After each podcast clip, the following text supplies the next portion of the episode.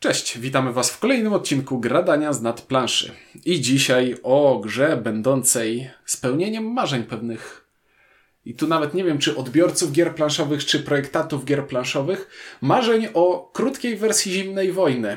E, tym razem od autora Zimnej Wojny, Jasona Matthewsa, e, który sam zaprojektował sobie krótszą wersję swojej gry, osadzając jej akcję nie na całym globie, jak było to w przypadku pierwowzoru, tylko w okolicach Morza Czerwonego, Afryka, Bliski Wschód. I o grze Twilight Struggle Red Sea Conflict in the Horn of Africa mówić będą Michel Lewiatan Sorbet i Ciuniek. Bardzo ładnie powiedziałeś, jak ta gra się nazywa. No, bo tytuł jest długi, ma dwukropek, nie ma myślnika, ale tak. jeszcze by się zmieściło. Jak to jest z tą zimną wojną, że tylu projektantów. Nie wiem, czy jest. Właśnie, nie wiem, czy kiedykolwiek był popyt na to, żeby zrobić krótszą wersję y, zimnej wojny, ale na pewno była duża podaż, żeby zrobić krótszą wersję zimnej wojny i parę takich wynalazków się po drodze pojawiło. Zimna wojna to w ogóle gra, która zainspirowała bardzo wiele późniejszych gier, więc nie wiem, czy akurat zapotrzebowanie na krótszą wersję kiedykolwiek się pojawiało, ale na pewno zapotrzebowanie na gry podobne, bazujące na podobnej mechanice lub na podobnych założeniach były, ale żadna z nich raczej nie dorównała popularnością Zimnej Wojny. Tak, żadna nie dorównała popularnością, a mm, skutki robienia krótszych wersji Zimnej Wojny też bywały różne, bo wydaje mi się, że tylko zatwardziali pasjonaci będą pamiętać, że była wersja o kryzysie kubańskim, która mhm. nazywała się 13 dni. Tak. Później jeszcze była krótsza wersja krótszej wersji 13 minut, też o kryzysie kubańskim.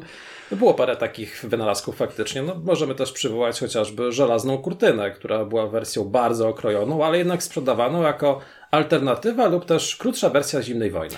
I w przypadku żelaznej kurtyny mogę powiedzieć tyle, że ni hu, nie wygląda to jak Zimna Wojna, ale jest z tych wszystkich gier wydaje mi się najbardziej udaną. Ale jak nie wygląda, jak masz niebieski i czerwony? No tak i znane gęby na okładce. No Dokładnie. wszystko, wszystko, wszystko się, się zgadza. Tylko ziemia y, jest śmieszna, bo w tamtej grze, jeśli słuchacze nie wiedzą, układamy planszę z kart sami i może się nagle okazać, że państwa sąsiadują ze sobą w dziwne, śmieszne sposoby, więc tworzymy takie alternatywne rzeczywistości. Ale nie o tym. Dzisiaj będziemy rozmawiać o e, wersji skróconej afrykańsko-blisko-wschodniej. Jason Matthews sam, bez Anandy Gupty. Mhm. I już na wstępie wydaje mi się, że mogę powiedzieć, że jeśli chodzi o projekt Zimna Wojna, tylko krótsza, to pod tym względem mamy sukces, bo to jest gra, którą gramy na praktycznie tej samej instrukcji i wrażenia z rozgrywki, jeśli spojrzymy na to tak szybko, powierzchownie i bez dłuższego zastanawiania się, są na pierwszy rzut oka identyczne według mnie. Tak, w pełni się z Tobą zgadzam. To faktycznie jest krótsza wersja Zimnej Wojny i akurat przed startem tego nagrania rozmawialiśmy o zupełnie innej grze, o której dzisiaj nie będziemy rozmawiać, ale tam rozmawialiśmy o rozminięciu oczekiwań odbiorcy z tym, jak gra była reklamowana. Tu gra od początku była reklamowana jako krótsza zimna wojna, i to jest krótsza zimna wojna. Nie ma żadnych wątpliwości. Faktycznie po zagraniu kilku partii w ten tytuł mamy poczucie, że graliśmy w zimną wojnę, tyle że krótszą wersję. I zakładam, że ktokolwiek słucha y, odcinka o tym tytule grał już w Zimną Wojnę, albo przynajmniej wie o co w Zimnej Wojnie chodzi, więc nie będziemy bardzo skupiać mhm. się. E, więc będziemy używać skrótów myślowych odnoszących się do pierwowzoru, czyli pod tym względem nic się nie zmienia. Kolorowe karty, moje, twoje, neutralne, wydarzenia, punkty, możemy zagrać kartę na punkty, żeby, wykłada- żeby wykonywać akcje na planszy, albo możemy zagrywać wydarzenia, żeby y, korzystać z tekstu oferowanego nam przez kartę. No i oczywiście mamy jedną wspólną talię, e, w której może się okazać, że rozdana zostanie w taki sposób, że ja dostanę wszystkie twoje karty, a ty dostaniesz wszystkie moje. I teraz za każdym razem, kiedy ty będziesz grał kartę z moim wydarzeniem, to będziesz zgrzytał zębami, bo ty faktycznie wykorzystasz punkty, ale wydarzenie wejdzie na moją korzyść. I cały trzon rozgrywki, tak jak w pierwowzorze, polega na tym, że z jednej strony walczę z moim przeciwnikiem o kontrolę nad regionami na planszy, ale z drugiej strony tak samo, jeśli nie bardziej, walczę z własną ręką, ręką kart, e, którą muszę pokonać. I tak samo jak w pierwowzorze, bardzo duża część kart może być zagrana w taki sposób, że nawet jeśli to jest karta przeciwnika, to mogę wykombinować taki sposób, żeby zagrać, grając ją, zminimalizować jej e, efekt korzystny dla mojego przeciwnika, lub go całkowicie wyzerować, lub nawet obrócić go przeciwko przeciwnikowi na jego niekorzyść. I pod tym względem wszystko jest cacy, rysy wychodzą trochę później. Tak, bardzo ładnie to opowiedziałeś, bo w zasadzie scharakteryzowałeś i starą, dobrą zimną wojnę i e, Twilight Struggle Red Sea, bo to jest wypisz wymaluj opis obu gier. Jeśli w tym momencie weźmiemy nóż i zaczniemy trochę mimo wszystko okrawać starą zimną wojnę, to nagle pojawi się Red Sea, bo tu już wchodzimy w niuanse takie jak skrócenie czasu rozgrywki wynikające z tego, że zamiast trzech okresów wojny będziemy mieć dwa, czyli talia będzie złożona z dwóch części zamiast grania X tur będziemy ich grać raptem. Zamiast dwie? grania 10 tur, gramy dwie, dwie. Z opcjonalną trzecią. Z opcjonalną trzecią i to jest gwiazdka, którą rozwiniemy później, bo tak. ta gra może być.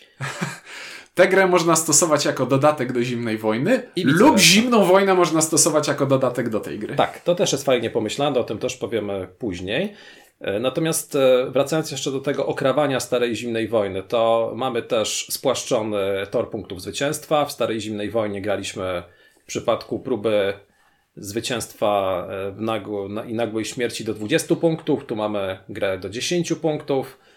Mamy oczywiście okrojoną, okrojoną mapę, bo Stara Zimna Wojna to cały glob, a w tym przypadku mamy wyłącznie fragment Afryki i Bliskiego Wschodu. Więc w praktyce można było powiedzieć, że Jason Matthews bazował na tym, co zrobił Zananda Guptą, projektując Zimną Wojnę, a potem wziął nóż, trochę powycinał, ale jednak troszkę dodał. Bo to I... też nie jest kopiuj w klej. To jest dla mnie najbardziej fascynująca y, rzecz w tym projekcie, bo pierwsze takie moje pytanie do ciebie, y, które się y, rodzi zawsze jak słyszę o prostszej, mniejszej wersji dużej, y, popularnej gry, to dla kogo to jest? Czy to jest mhm. dla graczy, którzy dla, którzy czują się przytłoczeni tą dużą wersją i proszę, macie tu mniejszą wersję, żeby wejść na rozgrzewkę? Czy to jest dla graczy, którzy już mają ograną dużą wersję, ale na przykład nie mają tyle czasu, y, żeby grać w dużą wersję i po prostu chcieliby coś krótszego, ale o tym samym smaku? To tu chyba odpowiedzi trzeba byłoby szukać w tym, jak gra była promowana przez GMT Games, zapowiadana przez GMT Games, bo to jest gra wydana przez GMT Games. I Twilight Struggle Red Sea należy do nowej linii wydawniczej GMT Games, tak zwanych Lunchtime Games, czyli gier, które możemy bardzo szybko zagrać, na przykład w trakcie lunchu.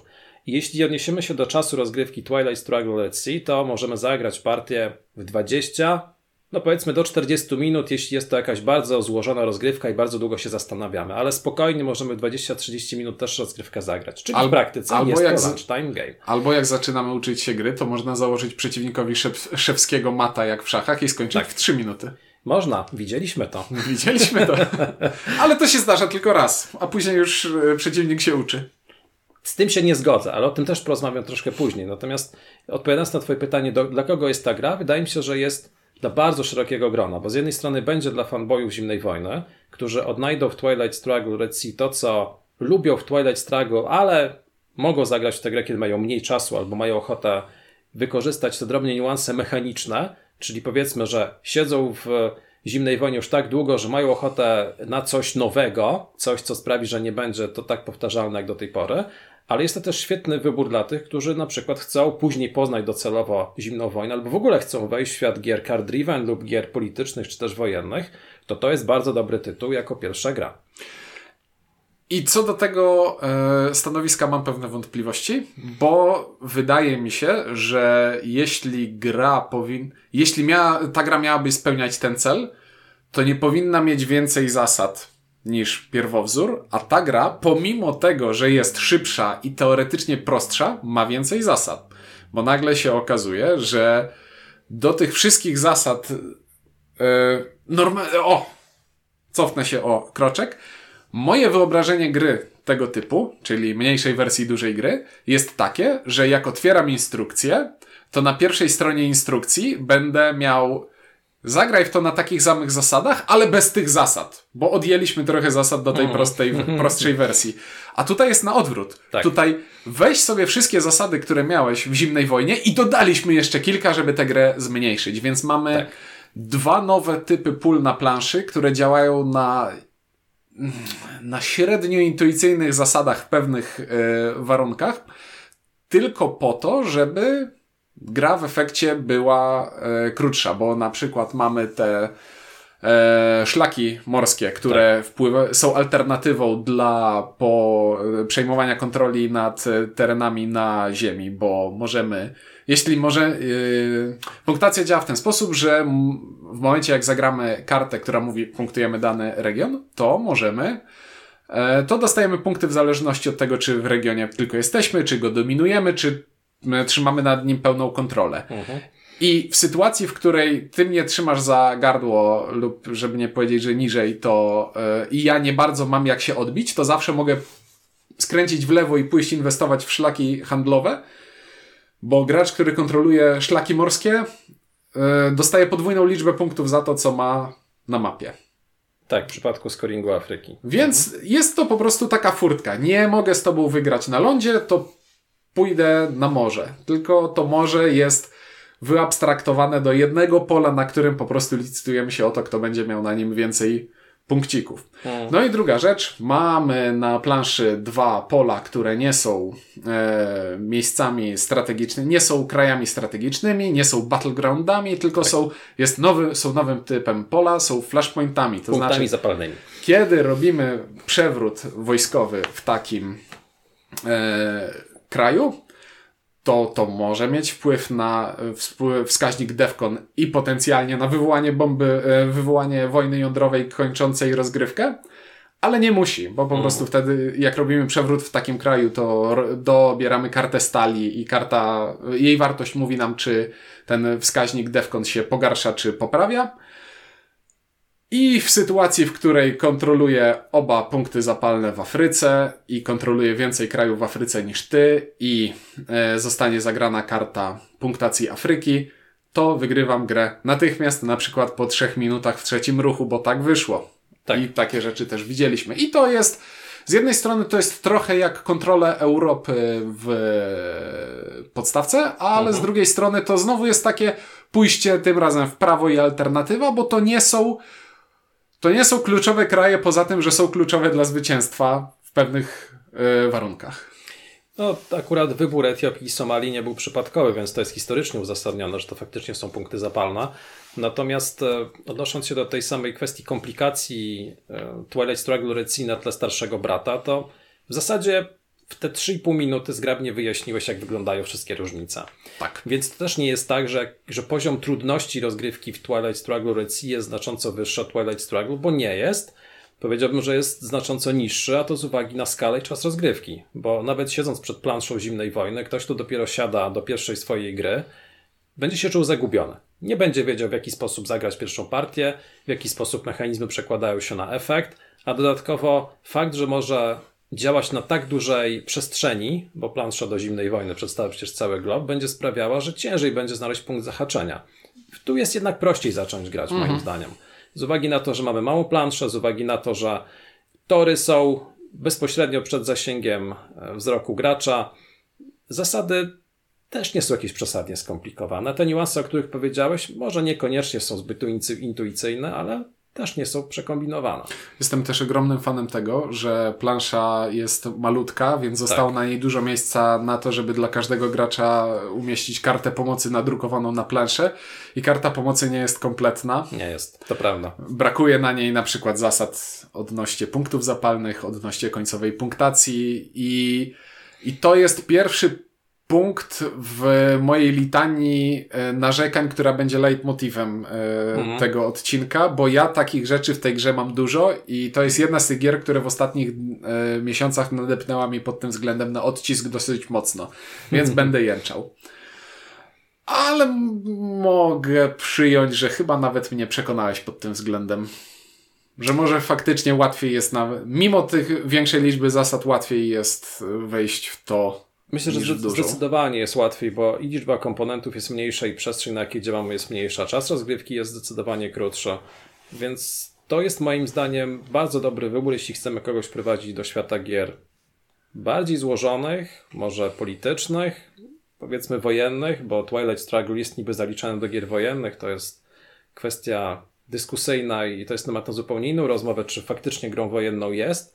Natomiast młodszy brat postaci Twilight Struggle Red Sea w tym momencie, w tym momencie moim zdaniem może zastąpić śmiało Twilight Struggle jako pierwszą grę, po którą sięgamy, kiedy chcemy kogoś prowadzić do tego świata. Mhm. I moim zdaniem całkiem nieźle się w tym zakresie sprawdzi. No dobrze. To teraz zmieniła się w tej grze, o ile nie zmieniły się zasady per se, to konsekwencje niektórych zasad się zmieniły. Skrócony mhm. został czas rozgrywki, więc zamiast 10 tur rund zagramy ich tylko dwie, rozdając karty e, z puli większej niż e, wymagana, to znaczy rozdamy sobie po 9 kart na początku pierwszej rundy tak. i jakieś karty w talii zostaną. W drugiej tury. E, tury, bo to jest też. Och, no ale to jest GMT. Tak, Trudno. mamy dwie tury dzielące się na rundę, co jest totalnie nieintuicyjne, ale została zachowana nomenklatura ze starego Twilight Struggle. I kiedy zgramy tę swoją pierwszą rękę kart, to w drugiej turze na początku dotasowujemy do talii dru karty związane z e, late warem, czyli późniejszym e, okresem czasu i znowu rozdajemy karty tak, żeby mieć na ręce po 9. W tej talii znajdują się na przykład dwie mega kluczowe karty punktujące. Mhm które w momencie, kiedy mamy je na ręce, to musimy je zagrać przed końcem tury, mm, ale jeśli nie będziemy mieli ich na ręce, to ich nie musimy zagrać i może dojść do sytuacji, w której te karty do gry nie będą, nie wejdą w ogóle i będziemy mieli tylko punktację końcową. Tak, to prawda. Więc w grze, w której punkty są tak jakby rozdawane dosyć oszczędnie, biednie i yy, powolutku, rozrzut między tym, że będziemy punktować dwa, trzy albo cztery razy, to jest całkiem spektakularna różnica. Teraz nie wiem zupełnie dlaczego do głowy przyszedł mi Pax Pamir, w którym też może być e, taki hmm. rozrzut, ale wbrew pozorom wydaje mi się, że tutaj mm, jest to bardziej e, kluczowe. Zmierzam do tego, że nie wszystkie karty wejdą do gry, a w dużej zimnej wojnie wszystkie karty wchodziły do gry, ponieważ talie w ciągu rozgrywki przetasowywaliśmy kilkukrotnie. Przechodziliśmy przez całość, więc wiemy, że ta karta z pierwszej epoki, blokada, która nam niszczy yy, RFN, jeśli jesteśmy yy, Stanami Zjednoczonymi, ona gdzieś jest i dopóki jej nie zobaczymy, to cały czas musimy się bać, że ona wejdzie. Bo to jest tak samo gra pamięciowa, jak i gra karciana.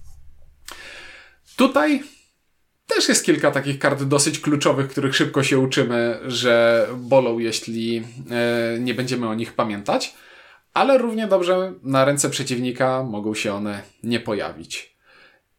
I to jest chyba ta największa kość niezgody pomiędzy mną a tą grą. Mhm. I to mhm. jest, wydaje mi się, też Taki argument, który się. Każdy, kto słyszałem, że mówi o tej grze, przede wszystkim wskazuje na to. Talia się nie przetosowuje, nie wszystkie karty wchodzą do gry, więc jeśli nie lubisz, jeśli dojdzie do sytuacji, w której gra cię będzie biła, to znaczy będzie dawała ci tylko na rękę karty tak. przeciwnika, to nie możesz wyciągnąć z tylnej kieszeni argumentu, ale przejdziemy przez całą talię, więc wszystko się wyrówna. Właśnie miałem o tym powiedzieć, bo tak ładnie o tym opowiadałeś e, i czekałem na tą puentę. Ja się z nią w 100% zgadzam. To jest podstawowy zarzut, jaki mam wobec tego tytułu. Czyli to, że w starej zimnej wojnie Losowość też występowała na dwóch płaszczyznach. Po pierwsze, wynikając, wynikając z tego, że część mechanizmów wchodzi na kostce, a tam, gdzie kostka, gdzie nie mamy większego wpływu na wynik tego rzutu, to jest losowość, ale jeszcze bardziej losowym aspektem jest rozkład kart. I w starej zimnej wojnie, o czym powiedziałeś na początku, cała zabawa polega na tym, żeby minimalizować straty, jakie ponosimy w wyniku konieczności zagrywania kart przeciwnika. Może być tak, że dostaniesz na rękę 7 kart przeciwnika i dwie swoje, i będziesz się męczyć przez całą turę, żeby jakoś zminimalizować swoje straty. Ale grając w Starą Zimną Wojnę miałeś świadomość tego, że zagrasz jeszcze co najmniej kilka kolejnych rund, w trakcie których, tur, w trakcie których będziesz w stanie być może to zniwelować. I skoro tyle kart przeciwnika pojawiło się u ciebie na ręce, to zaraz może dojdą twoje karty, a przeciwnik dostanie takie, które będą jemu przeszkadzać. Natomiast w Twilight Struggle Red Sea gra jest na tyle krótka i Dodatkowo nie wszystkie karty wejdą do gry, że takie sytuacje są nie do odrobienia. I zdarzają się przypadki, kiedy dostajesz fatalną rękę i totalnie jesteś w stanie z tym nic zrobić. Absolutnie. I to nawet biorąc pod uwagę to, że większość kart zaprojektowana jest w taki sposób, żeby te straty minimalizować lub obracać przeciwko przeciwnikowi. No i wiesz, w sytuacji, w której dostajesz jakiś rozkład typu 6-3 i te karty momentami da się jakoś obejść, da się jakoś zminimalizować stratę. Jeżeli dostajesz te karty w fatalnej sytuacji, kiedy ewidentnie nie jesteś w stanie ich obejść, to strata kilku punktów może być kluczowa przy tak krótkiej rozgrywce. Mhm. E, no i nawet bardziej niż przypisanie kart do graczy może tutaj boleć bardziej niż w pierwowzorze, wydaje mi się, boli, jeśli dostajesz mniej punktów operacyjnych na kartach, bo jeśli tak. dostajesz jedynki, dwójki, a przeciwnik dostaje dwójki, trójki i te trzy czwórki, które są w grze, mhm. no to znowu przy dwóch roznaniach kart, jeśli ja nie zobaczę żadnej czteropunktowej karty, nawet jeśli miałaby być to karta przeciwnika, no to trochę jest mi smutno i tak. po prostu w tej grze zrobię mniej, jeśli z losowe, losowo stali dobiorę mniej punktów akcji. No to prawda, bo na tych czwórkach albo na trójkach wprawdzie e, no czasami odpala się potężne wydarzenie przeciwnika, ale jednak w jakiś sposób jesteś w stanie to sobie zrekompensować punktami operacji. E, skoro przy tej losowości jeszcze, jesteśmy, bo, bo zacząłem ten wątek, to powiedziałem też o rzutach kostką i akurat w Twilight Struggle Red Sea jedna rzecz mi mocno przeszkadza, to jest tor kosmiczny. Tor kosmiczny, który jest zaprojektowany w taki sposób, że żeby się po nim wspinać, nie dość, że musimy odrzucić kartę, to jeszcze musimy rzucić kością. I na wynik tego rzutu ponownie nie mamy żadnego wpływu. Przy tak krótkiej rozgrywce pechowe rzuty mogą oznaczać stratę nawet 4 punktów na przestrzeni całej partii. To jest bardzo dużo w sytuacji, w której maks, jaki możemy wyciągnąć na końcu, to jest 10 punktów decydująco o nagłej śmierci i o nagłym zwycięstwie. Więc akurat tor kosmiczny w tej krótszej wersji, moim zdaniem, został spartolony. E, skontruję to e, pewnym argumentem, a później sam skontruję jeszcze ten swój argument z innej strony. Dobrze. Ten mechanizm, tak samo jak w pierwowzorze, przede wszystkim służy temu, żeby pozbywać się Pełna bardzo zgoda. niechcianych kart y, przeciwnika, bo Zgadzam jeśli jesteśmy na Defcon 2 i wiem, że kolejny y, spadek Defconu spowoduje moją przegraną, a trzymam na ręce, tak jak w partii mhm. przed chwilą, kartę, która mówi, jak ją zagrasz, to Defcon spada i przegrywasz, no to ja tę kartę chcę wystrzelić w kosmos. I to, czy ten wskaźnik mi tam wzrośnie, czy spadnie, czy nie, czy wzrośnie, czy nie wzrośnie, to jest dla mnie drugorzędne. Ja przede wszystkim chcę się pozbyć karty. Mhm. Więc pod tym względem spoko. Ale e, tak samo jak w pierwowzorze, są premie dla gracza, który jako pierwszy wszedł na, tak. e, na wyższe pole toru kosmicznego. I premia za wejście na pierwsze pole toru kosmicznego w tej grze jest przepotężna, jest. bo polega na tym, że na początku tury gracz, który ma przewagę na e, torze kosmicznym, może zdjąć e, jeden znacznik przeciwnika z dowolnego e, pola na planszy, a zdejmowanie znaczników z planszy jest najprawdopodobniej najlepszą rzeczą, jaką można w tej grze zrobić, bo jest to mm. jedno z najtrudniejszych rzeczy, w które w tej grze można e, zrobić, bo nie tylko e, zdejmujesz kontrolę przeciwnikowi, ale czasami odcinasz go w ogóle od pewnych e, elementów planszy, bo możemy się dokładać tylko tam, gdzie już jesteśmy, więc jeśli mnie wyrzucisz całkowicie z Afryki, no to nie mam mnie w Afryce i dopóki nie będę miał e, karty, która explicite mi powie, że połóż się w jakimś kraju w Afryce, no to będzie, to mi, to będzie mi przykro. Ale właśnie. I znowu, sporo tych rzeczy wynika z tej krótkości gry, bo tak, wydaje tak. mi się, że autor pomyślał sobie, to jest zdolność, którą maksymalnie wykorzystasz tak naprawdę raz w grze, bo nie zrobisz tego na początku pierwszej tury, tylko jeśli w pierwszej turze mnie wyprzedzisz, to na początku drugiej tury to zrobisz, ale ja mogę cię wyrównać i wcale z tego nie skorzystasz. Spoko. Ale w grze jest karta, która może cię po prostu przesunąć na torze kosmicznym i możesz ją zagrać w, w fazie początkowej pierwszej rundy. I już w pierwszej rundzie tak. bez możliwości kontry e, z, zdjąć, e, skorzystać z tego bonusu. No i ja bardzo nie lubię mówić o takich rzeczach, ale wydaje mi się, że nie chcę powiedzieć, że to jest OP, przegięte i tak dalej, ale bardzo trudno znaleźć mi alternatywę. Jeśli mam na pierwszej swojej ręce kartę, która mnie porusza na torze kosmicznym, no to oczywiście, że zagram ją w fazie headline po to, żeby od razu skorzystać z tej premii, wiedząc, że nie możesz jej skontrować. Bo na początku gry ile masz znaczników na planszy? Dwa? Więc, Dwa zdejmuj, więc tak. zdejmując ci jeden znacznik z planszy, wyrzucam cię z połowy planszy. Tak, dokładnie. Dlatego wydaje mi się, że akurat tor kosmiczny jest też słabym elementem Twilight Struggle z uwagi na swoją krótkość i też z uwagi na jakikolwiek brak wpływu gracza na finalny efekt, bo ja nie lubię gier, w przypadku których jestem karany przez grę za to, że nie wyrzuciłem na kostce odpowiedniego wyniku. To I- mi się nie podoba. I okej, przyjmuję Twój argument, że to jest przede wszystkim mechanizm pomyślany po to, żeby pozbywać się karty. Tego nie kwestionuję, zgadzam się z tym. Ale po co w takim razie jeszcze dokładać dodatkowe bonusy, które są w praktyce nagrodą za to, że wyrzuciłeś na kostce 1, 2, 3, a nie wyrzuciłeś 4, 5, 6? I już ci mówię, to jest e, sposób na tworzenie nowych scenariuszy.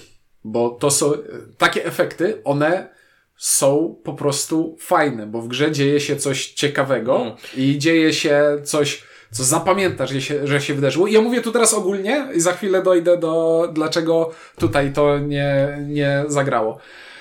Bo ja też zac- w dużej zimnej wojnie zacząłem do tego tak podchodzić, że mój sukces porażka, powiedzmy, robię ten, robię ten standardowe otwarcie w zimnej wojnie, przewrót w Włochy, bo na początku gry to jest jedyna szansa, żeby to zrobić.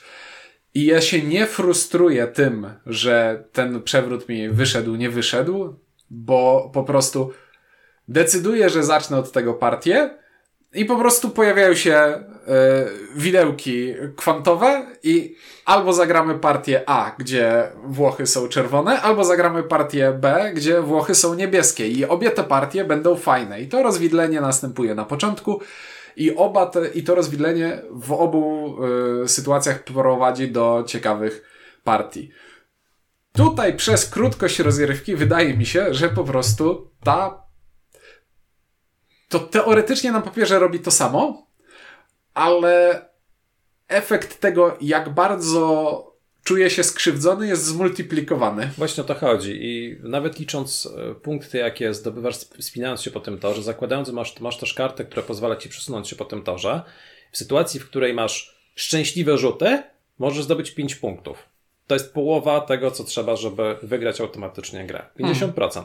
Tylko dlatego, że przeciwnik źle rzucał, a ty dobrze. To mi nie pasuje. No, technicznie rzecz biorąc, żeby dojść na to trzecie pole, to musisz mieć tę kartę. Tak, bo... więc do tego mówię. Masz kartę i oprócz tego przemieszczasz się dwa razy w trakcie rozgrywki. Tak. I masz na tym 5 punktów, a przeciwnik 0. Więc gdybyśmy, y, wydaje mi się, w tym momencie mieli y, kończyć recenzję, to ja powiedziałbym coś w zasadzie, że nie ma gry o takiej długości rozgrywki, czyli około 30 do 45 minut, gdzie 45 minut wydaje mi się, że to jest naprawdę długa rozgrywka, lub pierwsza, bo karty trzeba przeczytać, kart trzeba się nauczyć. Nie ma drugiej takiej gry, która w takim czasie rozgrywki e, kopiuje, odtwarza, odzwierciedla wrażenia, które mam przy dużej zimnej wojnie. Więc to, w jaki sposób mój mózg działa w tej rozgrywce, e, to działa praktycznie tak samo w dużej zimnej wojnie. I to jest fajne. Mhm. To jest spoko. Boli mnie ta losowość, mógłbym to przeżyć. Więc jeśli kończylibyśmy w tym e, miejscu te recenzje, to bym powiedział, że jestem tak na ostrzu noża, przechylając się na lekko na tak, bo jednak ta losowość mnie tu trochę boli, ale granie jest na tyle długa, żeby był to dla mnie deal breaker. Ale właśnie, poczekaj, bo jeszcze nie, nie dokończyliśmy wątku losowości. Jeszcze się nie rozpędzajmy. O, I nie dobrze, przechodźmy do dobrze. innych, do innych wątków, bo z- zaczęło się o tym na początku i obiecaliśmy, że do tego wrócimy. Czyli o scenariuszu, w którym gra skończy się zanim się zacznie. A tak. A warto o tym powiedzieć, bo skoro już o tej losowości mowa, to niestety, ale mogą zdarzyć się takie rozdania, że jeden z graczy, i to niezależnie od tego, czy, czy Rosjanin, czy Amerykanin, zwyciężał w pierwszym ruchu. I to nie dlatego, że przeciwnik nie zna gry, bo mogą być scenariusze, w których przeciwnik zna grę, wie, że przeciwnik może coś zrobić w fazie headline'a, ale nie masz kart na ręku, które ci zapobiegną które pozwolą zapobiec temu scenariuszowi. I nawet z ciekawości sprawdzałem, na Board Game Geek były zrobione wyliczenia statystyczne. Prawdopodobieństwo, że tak się zadzieje jest bardzo nikłe, bo wynosi około 1,5%, czy nawet poniżej 1%. No musisz w headline'ie e, znaczy, generalnie chodzi musi, o to, musi, że musisz zrobić graczy, przewrót i jeden z. Któryś z graczy powoduje, że kontroluje od razu obydwa flashpointy i zagrywa kartę scoringu Afryki. Jest to wykonalne. Prawdopodobieństwo wynosi gdzieś tam około 1 czy tam 1,5%, więc gracz świadomy będzie próbował temu przeciwdziałać, ale i tak mogą zdarzyć się rozdania, w których będzie to niemożliwe. I będą rozgrywki, które będą kończyć się właśnie takim scenariuszem, co dla mnie jest w ogóle dyskwalifikatorem mechanicznym. Nie powinno być takiej możliwości. I nie obchodzi mnie, że to jest lunchtime game. Nie powinno być takiej możliwości, niezależnie od tego, czy gramy w grę trwającą 10 czy 45 minut. Próbuję sobie teraz ułożyć w głowie, jaki to scenariusz. No bo to mnie musiałby wyjść przewrót, tobie musiałby nie wyjść przewrót.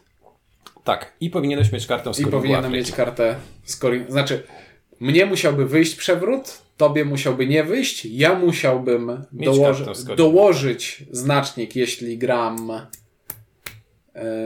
z. Bo to Amerykanin może w dwóch ruchach, e, Rosjanin może w trzech Amerykanin, ruchach. Amerykanin może grać jako pierwszy, więc ma kartę, ma która pozwala mu zagrać jako pierwszy, więc obaj mają podobne szanse, przy czym e, gracz sowiecki będzie miał większe szanse, bo nie musi mieć tej karty, która pozwala mu grać jako pierwszy. Mhm. Więc tak to technicznie wygląda. Więc gra to dopuszcza. Czy powinna? Moim zdaniem nie powinna. Bo powoduje to tylko frustrację, jeśli znajdziesz się w tym gronie osób, które zetknęły się z takim scenariuszem. Mm to jeszcze jestem w stanie przeżyć, bo jest to przypadek naprawdę marginalny i mimo, że widzieliśmy coś podobnego w pierwszej naszej partii. tak, widzieliśmy. Okej, okay, to ja już wyplułem z siebie te tematy losowe, więc jeśli chcesz, to możemy porozmawiać o innych wątkach. Matko Boska. Czy GMT to jest nowe wydawnictwo, które nie umie wydawać gier i nie sprawdza, co wysyła do drukarni? To tak yy, przedramatyzuje na początku chyba się nic nie zmieniło w tym względzie. Akurat wydaje mi się, że GMT trzyma dosyć wysoki poziom. E, nie wydaje mi się, żeby czegoś brakowało w tej grze. Przynajmniej na pierwszy rzut oka. Przynajmniej na pierwszy rzut oka mm, wygląda, że nie brakuje. Ale jeśli projektuje grę opierającą się na zagrywaniu kart i bardzo konkretnym interpretowaniu słów, które na tych kartach są zapisane, i e, wprowadzam instytucje na karcie, że niektóre karty gramy i trafiają na stos kart odrzuconych, niektóre są usuwane z gry, a niektóre takie z podkreśleniem czerwoną linijką mają stałe efekty, które ma, odnoszą się do dalszych, e, do dalszych dłuższej rozgrywki, czyli tak. mają, no i zgubiłem tutaj słowo, to są persist, nie, per... E, permanent? Czy... Per... No, no mnie, mniejsza. Okay, ale działają później i trzeba o nich pamiętać. Działają później i trzeba o nich pamiętać. I karty, które mają, działa, e, mają działanie późniejsze, są podkreślone czerwoną linijką mhm. i czasami mają jeszcze jakiś żeton, który tak. kładziemy na planszę, żeby o tym przypominał. No i pierwszy ząg. Nie wszystkie karty, które mają działanie e, stałe, mają taki żeton, który nam przypomina e, o tym. Nie wszystkie karty, które mają działanie e, stałe, są oznaczone jako karty mające stałe działanie. Na przykład jest karta, która nam mówi połóż na planszę dwa znaczniki głodu i zrób przewrót w którymś z państw, gdzie, gdzie jest znacznik głodu i znacznik głodu daje ci plus jeden do rzutu mhm. kością. No i zagraliśmy tę kartę, odrzuciliśmy ją i został znacznik głodu na planszy. I on ma z drugiej strony nadrukowane, że on ma plus jeden do tak. rzutu. Ale czy. Ale ta karta nie była oznaczona jako taka, która ma stały efekt. Więc ten żeton tu leży, dopóki tej karty nie zagramy znowu, bo jest możliwość wracania kart z discardu. Czy do każdego innego y, przewrotu, który będziemy robić ty, na tym polu, y, będziemy y, dodawać plus jeden do rzutu kością. E, z dalszych rzeczy mamy ten e, sudden death, zwycięstwo poprzez, poprzez kontrolę Somalii i Etiopii, które technicznie rzecz biorąc następuje po zagraniu karty scoringu, tak. ale nie po scoringu, bo okazuje się, że to są dwie różne rzeczy, bo instrukcje GMT, jak to zwykle Mhm. instrukcje GMT, są bardzo konkretne, bardzo precyzyjne i mają bardzo dużo podpunktów. Rozdział trzeci, podpunkt czwarty, podpodpunkt pierwszy. Zagranie karty scoringu powoduje scoring. Ale w innym miejscu czytamy, że sudden death odpala się po zagraniu karty, a nie po scoringu i nie ma powtórzenia. Brakuje mi w tej instrukcji, gdyby te, te instrukcje czytał robot albo sztuczna inteligencja, to pewnie by interpretował bez cienia wątpliwości, bo maszyna nie ma wątpliwości. A ja zaczynam się zastanawiać, czy to, te słowa, które są w instrukcji napisane, to są te słowa, które chciał mi autor przekazać. I czy ta rzecz się dzieje po punktacji, czy po zagraniu karty? Czy to są dwie różne rzeczy, czy one są ze sobą tożsame? Instrukcja nie chce mi wprost powiedzieć, czy. Słuchaj, w, tym konkre- w tej grze może wystąpić jeden konkretny przypadek. Tak go rozwiązujemy. Nie ma tego e, w tej grze. Nie ma, to jest słuszna uwaga i to nie jest chyba jedyna uwaga dotycząca sposobu sformułowania zasad, bo ile mówiliśmy, że one są dosyć przystępne, podobno do zimnej wojny, to jeszcze odniosę się do zasad regulujących tryb solo, bo o tym w ogóle nie mówiliśmy, ale Twilight Struggle Red Sea ma tryb solo, coś czego nie miała stara zimna wojna, przynajmniej nie miała oficjalnej wersji, bo są różne warianty solo, tu mamy oficjalny wariant solo wypuszczony w pudełku, to tam akurat w instrukcji do wariantu solo jest fragment dotyczący tak zwanych choke point countries, który jest na tyle dwuznaczny, że jeśli zajrzycie na forum na Board Game Geek, to jest co najmniej kilka wątków, gdzie są pytania o to, jak interpretować, jak rozumieć te państwa. I nie do końca jest to wiadome, a Jason Carr lub Jason Matthews niekoniecznie udzielili jednoznacznej odpowiedzi nawet na forum. Więc jest parę takich rzeczywiście niuansów, które mogą powodować podniesienie powieki i zadanie sobie pytania, czy to na pewno jest lunchtime game. Ja też jestem fanem tego, że e, szlaki morskie w trakcie gry punktują inaczej, na końcu gry punktują inaczej. Tak. I to trzeba się dogrzebać do tego w instrukcji i pamiętać o tym, bo nigdzie w grze nie ma podsumowania. Na planszy jest tyle informacji. Na planszy są po prostu różne rzeczy wypisane, a nie ma tych najbardziej kluczowych, że ale na końcu gry, gwiazdka na końcu gry działa inaczej. Tyle Hmm. miejsca jeszcze było na tej To karcie można pomocy. było nawet przy samych e, Strategic Sea zrobić, Tak, szczególnie, że tam już jest przypis przy nich. więc można było i to tam opisać. Z tym się zdecydowanie E, zgadzam. no i śmiałem się z tego, czy GMT potrafi wysłać dobre pliki do drukarni. Mamy e, co najmniej jed, na pewno jedną kartę w grze, Mhm. na której jest nieaktualny tekst z wcześniejszej wersji gry, bo jest e, karta, która mówi, że zagranie tej karty pozwala w przyszłości zagrać inną kartę. A na tej drugiej karcie nie ma informacji, że żeby ją zagrać, potrzeba zagrać tę pierwszą. No i już jest errata, że to na tej pierwszej nie powinno być informacji, że pozwala zagrać tę drugą. No, akurat tak. No, mamy też w przykładzie rozgrywki w drugim biuletynie informację o tym, że na początku dobieramy 8 kart, a nie 9, więc też mamy błąd. Ale generalnie można byłoby to dowcipnie podsumować w ten sposób, że o ile wcześniej postawiłem znak zapytania, nazywając Twilight Struggle grą wojenną, to skoro już trzymamy się tego i stwierdzamy, tak, to jest gra wojenna, to errata jest czymś normalnym. To bierzemy to na klatę, mając taką świadomość, bo każda gra wojenna, w zasadzie 90% gier wojennych ma erraty, ma living rules. Twilight Struggle wpisuje się po prostu pięknie w tę zasadę. Czyli wpisuje się w ramy Wargame'a, a wychodzi z ramek gry na wejście. Nie, jest świetnym wargame'em na wejście. No. Mimo wszystko skala, skala tych niedociągnięć lub też skala błędów w porównaniu do wielu innych produktów jest bardzo mała. Bo to jest gra o małej skali. No prostu. tak. To co, kończymy. Myślę, że Jakieś tak. podsumowanie? E, Tradycyjnie zawsze w trakcie Waszych materiałów pada informacja o tym, czy to ma być 0 czy 1. Dla mnie to jest 0. I Z ja, przykrością. I ja też właśnie w tym kierunku bym się skłaniał, ale kontynuuj. I mm, rzadko w ogóle w trakcie nagrań z Wami chyba nie wystawiałem żadnego zera. Kiedyś zdaje się, że wystawiłem e, ocenę między 0 a 1, a tu wystawiam z pełną świadomością 0. Nie jestem fanem Wielkiej Wojny, Zimnej Wojny. Nie jestem fanboyem tego tytułu. Mm, Uważam, że to dobra gra, ale na pewno nie najlepsza gra wojenna lub najlepsza gra w ogóle ever, jeśli mielibyśmy ją w rankingu standard, standardowych gier umiejscawiać. E, I Twilight Struggle nie zmienia mojej opinii. Ta gra mnie frustrowała. Hmm. Irytowała mnie w trakcie rozgrywek.